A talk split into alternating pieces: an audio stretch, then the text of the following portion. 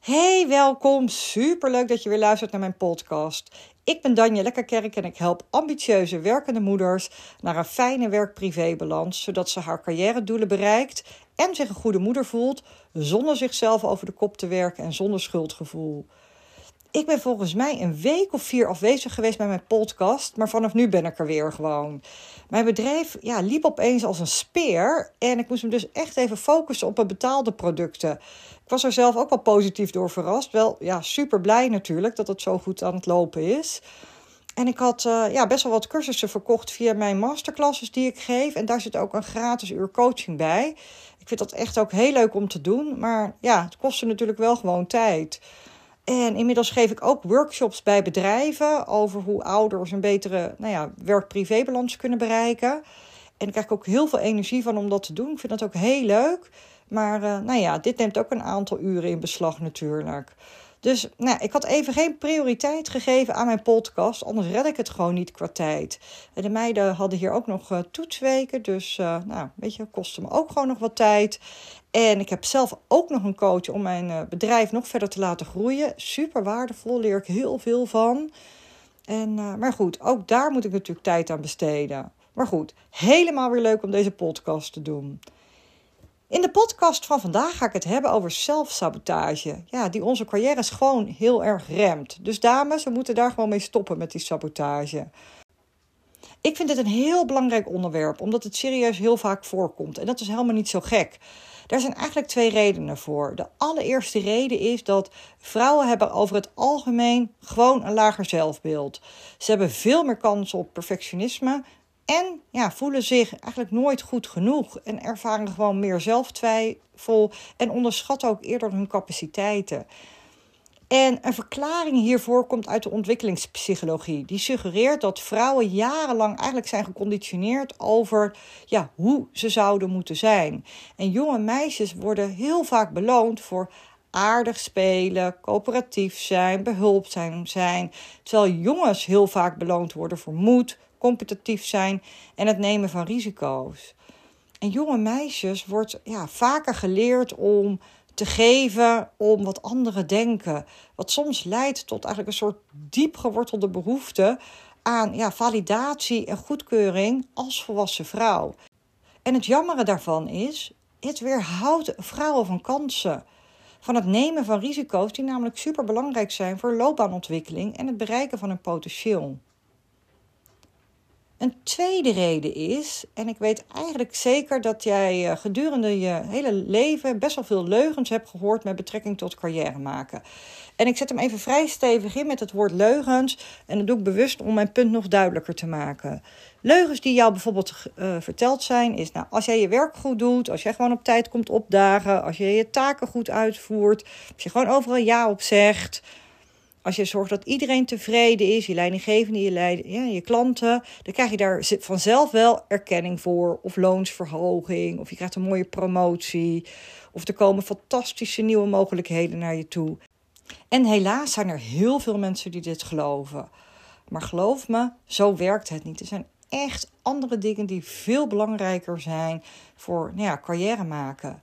Maar met dit als achtergrond ja, is het ook niet zo gek dat wij als vrouwen op de werkvloer best wel eens wat fouten tussen aanhalingstekens maken als het gaat om carrière maken. Ik neem jullie even mee in de zeven fouten die heel vaak gemaakt worden ja, door vrouwen op de werkvloer. Er zijn er natuurlijk nog veel meer, maar ik focus me nu even op deze zeven. De allereerste, en dat is eigenlijk je manier van praten. Vrouwen verontschuldigen zich veel eerder dan, uh, ja, dan mannen. Wat zich eigenlijk op de werkvloer vertaalt in: sorry als ik dit een gek idee is, maar. Of je zegt bijvoorbeeld: sorry dat ik nu niet op je e-mail ben teruggekomen. Maar dit versterkt het onjuiste idee dat je misschien iets verkeerds hebt gedaan, terwijl je dat natuurlijk helemaal niet gedaan hebt. En het ondermijnt je macht en het kan leiden zelfs tot een soort overmatig uh, zelfschuld. Spreek gewoon je mening uit en erken dat je waarde aan tafel brengt. Verontschuldig je gewoon niet af voordat je een mening hebt. Naast dat vrouwen heel vaak sorry zeggen, ik deed dat trouwens zelf ook heel vaak. Ik was me er eigenlijk nooit zo erg bewust van, tot een van de dames uit mijn eigen team me daarop attendeerde. Ik vond het onwijs goed en ook best wel stoer dat ze dat deed, want ik was haar leidinggevende. Maar ik ben haar ook eeuwig dankbaar dat ze dat tegen mij heeft gezegd. Want eigenlijk had ik het toen ook pas in de gaten dat ik het deed. Wat je ook ziet bij vrouwen is dat we best wel vaak geneigd zijn om ons idee of onze mening of het antwoord dat we willen geven, nou ja, iets wat we willen zeggen tijdens een vergadering, dat we dat heel erg gaan inleiden en niet echt op een krachtige manier. Wat ik daarmee bedoel is, dan zeggen we bijvoorbeeld: dit lijkt misschien een gek idee en dan gaan we ons idee uh, zeggen. Of nou, sorry als dit al beantwoord is, maar. Nou, en dan gaan we ons antwoord geven. Of een ander voorbeeld is bijvoorbeeld, dan zeg je, uh, jij bent natuurlijk de expert hierin, dus nou ja, corrigeer me als ik het mis heb, maar, puntje, puntje, puntje. Maar wanneer we dit doen, ondermijnen we natuurlijk expliciet onze geloofwaardigheid nog voordat we iets hebben gedeeld. Ze moeten echt meer vertrouwen hebben in het simpelweg delen van onze mening, onze stem gewoon waarderen, geen sorry meer zeggen en ook niet ons fantastische idee of ons goede antwoord op een, nou ja, niet krachtige manier inleiden. De tweede fout die ik heel vaak zie bij eh, vrouwen op de werkvloer is ja, het niet bezitten van je prestaties. Stel je hebt een prestatie geleverd, een fantastische prestatie, dan is het altijd: het komt door anderen, het is geluk, ik had toevallig een goede timing. Ja, dat is wat vrouwen gewoon vaak beweren, dat dat de redenen zijn voor hele belangrijke successen. Ik was gewoon op het juiste moment, op de juiste plaats. Of ja, ik heb gewoon een fantastisch team die dat doet. Ja, ik kan gewoon niet met de eer opstrijken. En ik hoor dit ook bijvoorbeeld heel vaak als vrouwen prijzen accepteren voor hun prestaties. En deze eigenschap, weet je, dat dit gebeurt, is gewoon ook al tientallen jaren aangetoond in onderzoek erken absoluut anderen natuurlijk waar ze erkenning nodig hebben. Maar bagatelliseer je eigen successen niet. Erken gewoon wat je bereikt hebt. Erken ook gewoon de moeite en de vaardigheden die je hebt toegepast. En ja, zoals je het eigenlijk in het Engels zegt, own it. Weet je, bezit het.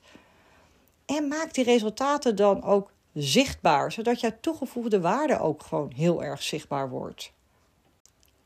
De derde fout die ik heel vaak zie is jezelf overal de schuld van geven. Daar zijn we ook zo goed in.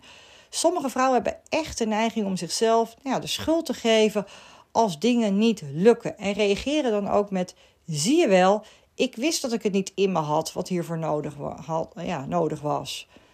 En dit wordt eigenlijk interne attributie genoemd, waarbij ja, veel mannen heel veel beter zijn in externe attributie als het om dingen gaat ja, die niet in hun voordeel werken. En die reageren gewoon lekker. Ja, dat was een moeilijke klant. Of de markt was gewoon heel erg uitdagend momenteel. Dus weet je, zij doen het ook op die manier. Hè? Dus de volgende keer, als je project niet op tijd wordt opgeleverd. Of als je grote klant kwijtraakt, geef jezelf dan niet meteen de schuld. Erken dat de uitkomst mogelijk wordt beïnvloed ja, door factoren waar je gewoon geen controle over hebt. Geef jezelf gewoon niet overal de schuld van. De vierde fout die ik heel vaak zie bij vrouwen op de werkvloer is denken of vinden dat ze 100% klaar moeten zijn. Of, nou ja, of we wachten bijvoorbeeld tot de perfecte timing voor de volgende stap. Waarbij we ook nog eens een keer aan alle functie-eisen moeten voldoen. Uit onderzoek blijkt dat mannen zullen solliciteren als ze aan 60% van de vereisten voldoen. Vrouwen zullen niet solliciteren tenzij ze voor 100% voldoen.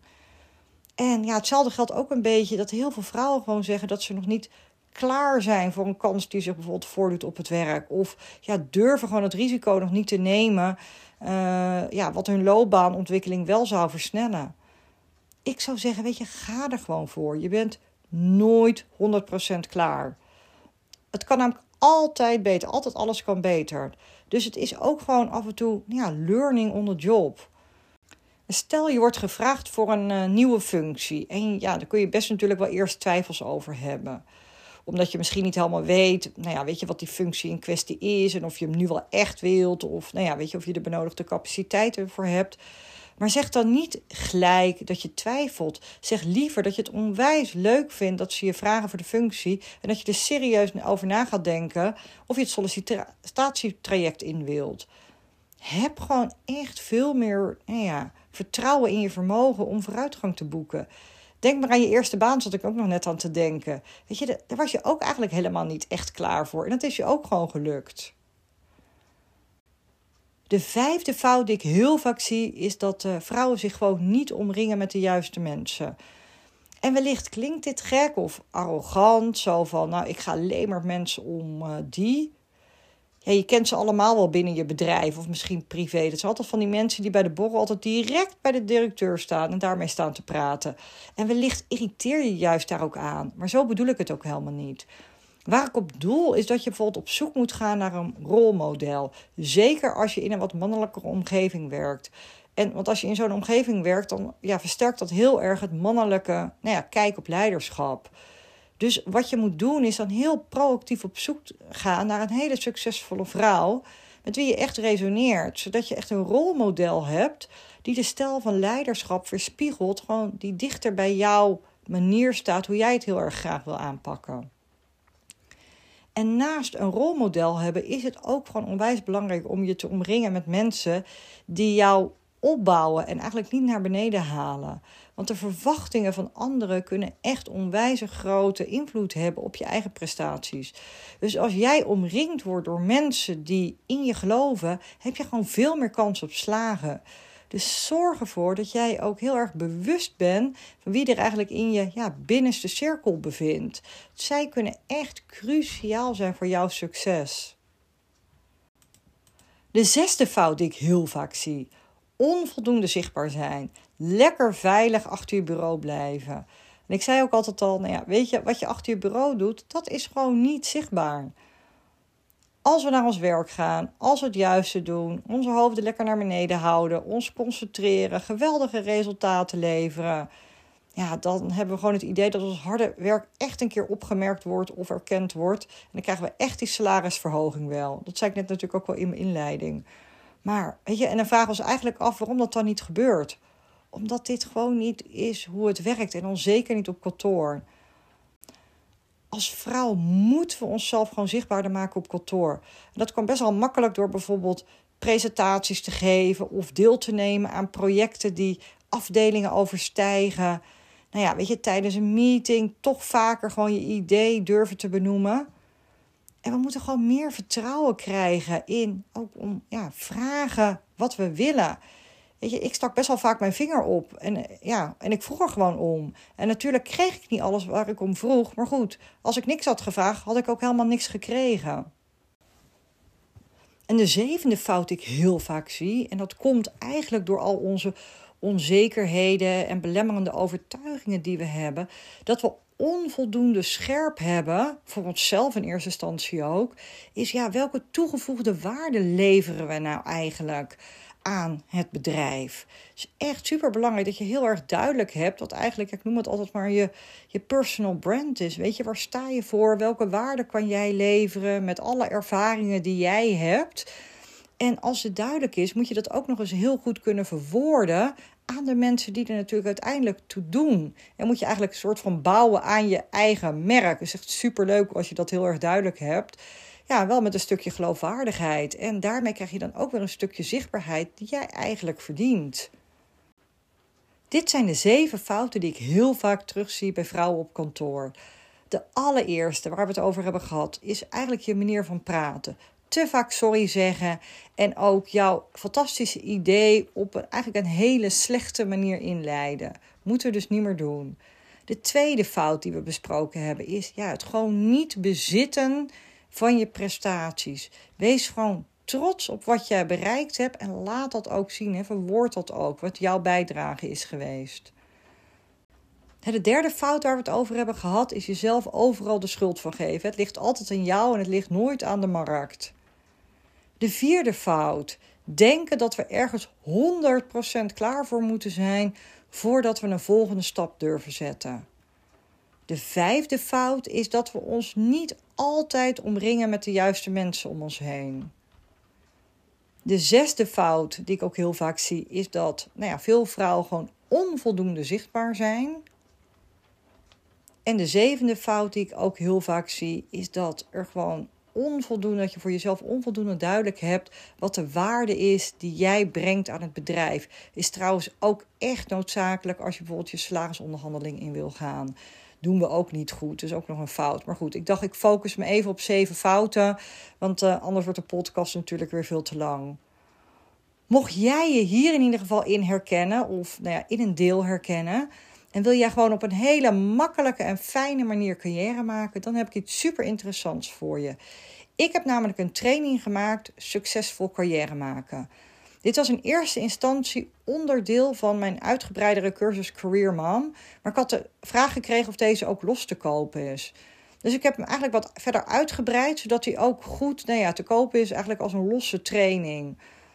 Overigens blijft hij nog wel ook beschikbaar voor mijn training Career Mom. Dus mocht je uiteindelijk besluiten om vervolgens in te stappen in, in mijn cursus Career Mom, dan krijg je het geld van deze module terug. Maar de training Succesvol Carrière maken is ook echt een volwaardige training geworden. Met zes modules en een werkboek. En zelfs al wat uitgebreider dan ik in eerste instantie had gedacht. Want toen dacht ik, oh, de training is klaar. En dan bedacht ik me toch weer iets. Dat ik dacht, oh, dat is ook wel goed om dat toe te voegen. Het mooie van de training is dat het echt wetenschappelijk onderbouwd is, maar juist ook ja, toegevoegd met mijn eigen hacks, tips, tools, technieken en, ja, en alle eye-openers uh, die ik gewoon uh, in de afgelopen jaren heb, uh, heb ondervonden, zeg maar. En dingen die voor mij heel erg goed werkten.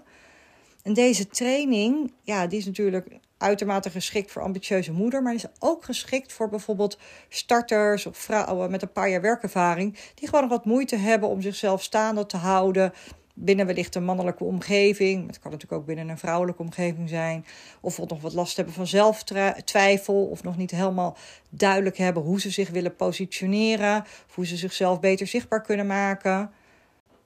Omdat ik deze training voor heel veel vrouwen beschikbaar willen maken, heb ik gedacht: weet je, ik ga geen hele grote financiële investering vragen. Maar er zit wel echt bewezen know-how in. Het is nu juni 2023 en ik lanceer deze training nu voor een prijs van 49 euro. Juist omdat het mijn missie is om andere vrouwen verder te helpen om op een hele makkelijke manier carrière te maken. En niet vanuit een klagende manier over externe factoren waar je toch geen invloed op hebt. Maar juist door zelf de verantwoordelijkheid te pakken over je eigen leven. Want dat levert energie op. Uh, de belangrijkste onderdelen van de training zijn: ja, weet wie je wilt zijn. Hier gaan we echt in op de visie op je carrière en ook hoe je jezelf wil positioneren. Een stukje personal branding. Vervolgens gaan we het hebben over dat stukje zelftwijfel, waar we het vandaag ook al een beetje over hebben gehad. Waar heel veel vrouwen gewoon last eh, van hebben. En hoe je daar het beste mee om kan gaan. Nou ja, we hebben dus ook een module in over hoe je meer impact op je werk kan maken. En hoe je echt ook succesvol bent op je werk. Daar gaan we onder andere in op jouw succesverhalen. Op de manier waarop je praat en hoe je dat dus kunt verbeteren. Hoe je jezelf zichtbaar kan maken, hoe je jezelf hoorbaar kan maken. We gaan het ook zeker hebben over hoe een stukje enthousiasme en charisma daar ja, gaat helpen om je verhaal op een goede manier over te brengen. En ik kon het toch niet laten om ook de kracht van kleding toe te voegen. Ik hou natuurlijk zelf heel erg van kleding. Dus er zit ook binnen die module een kleine les over, uh, over kleding in. En we gaan het ook een hele module hebben over het feit dat je het gewoon niet alleen hoeft te doen. Hè? Over het belang van het rolmodel. Over eh, hoe je het beste kunt netwerken. Het is ook altijd zo'n vies woord, maar het is echt onwijs leuk om uh, te netwerken. Ik vond het vroeger ook niet zo leuk. Maar ja, sinds ik er een andere kijk op heb, vind ik het heel leuk en is het ook heel waardevol. Maar ook hoe je, ja, als je het niet alleen hoeft te doen, hoe je gewoon het gesprek thuis aangaat, maar ook op kantoor. Ja, en om het leven te creëren dat je natuurlijk echt wil hebben, hebben we het ook nog even uh, over werk-privé-balans. En hoe je bijvoorbeeld uh, je werk wel gedaan krijgt onder werktijd, zodat je ook veel meer kunt genieten als je weer thuis bent. We gaan zeker ook natuurlijk nog in over nou ja, op salarisonderhandelingen. Ook een heel belangrijk onderdeel. Zeker omdat heel veel vrouwen dat niet durven en heel veel mannen wel. Dat is ook een van de redenen natuurlijk waarom wij een salarisachterstand hebben. En uh, we gaan het ook zeker hebben, want uiteindelijk draait het wel om een stukje commitment vanuit jouw kant om dingen ook te bereiken. Dus als je alleen maar een beetje vaag denkt, nou ik denk dat ik dit een keer ga doen, ja, dan kom je er ook niet toe. Dus het gaat ook echt daadwerkelijk om een plan voor jezelf op te stellen. In de show notes heb ik een link toegevoegd uh, naar deze training. En als afsluiting wil ik nog tegen je zeggen: ik geloof in jou.